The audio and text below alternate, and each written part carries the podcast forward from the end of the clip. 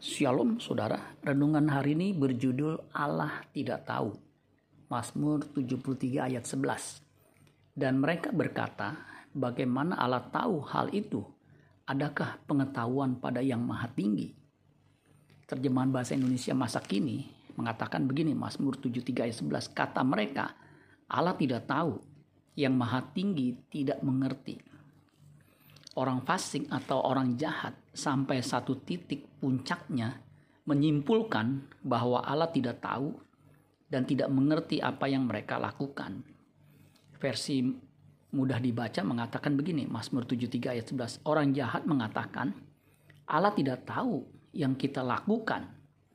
Allah yang maha tinggi tidak tahu.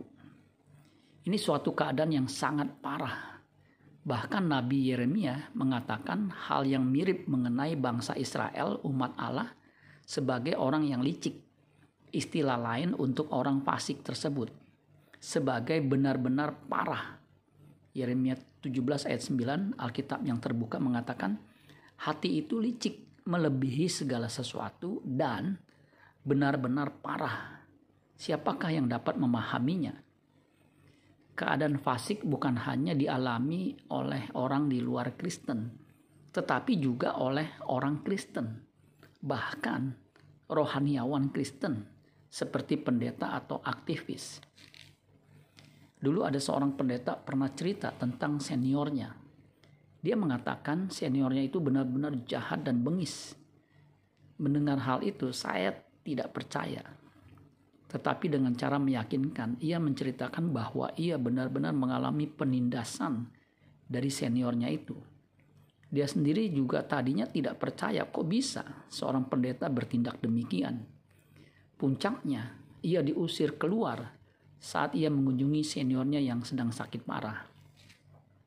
Sekarang saya baru mengerti, ternyata memang bisa seorang Kristen mengalami kefasikan yang sudah tidak bisa disembuhkan alias membatu karena ia tidak menyadarinya.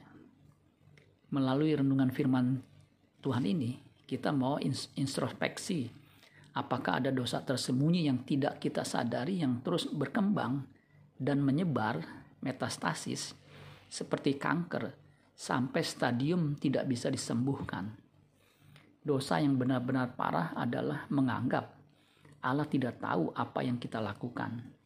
Padahal apa yang kita lakukan adalah sebuah kejahatan.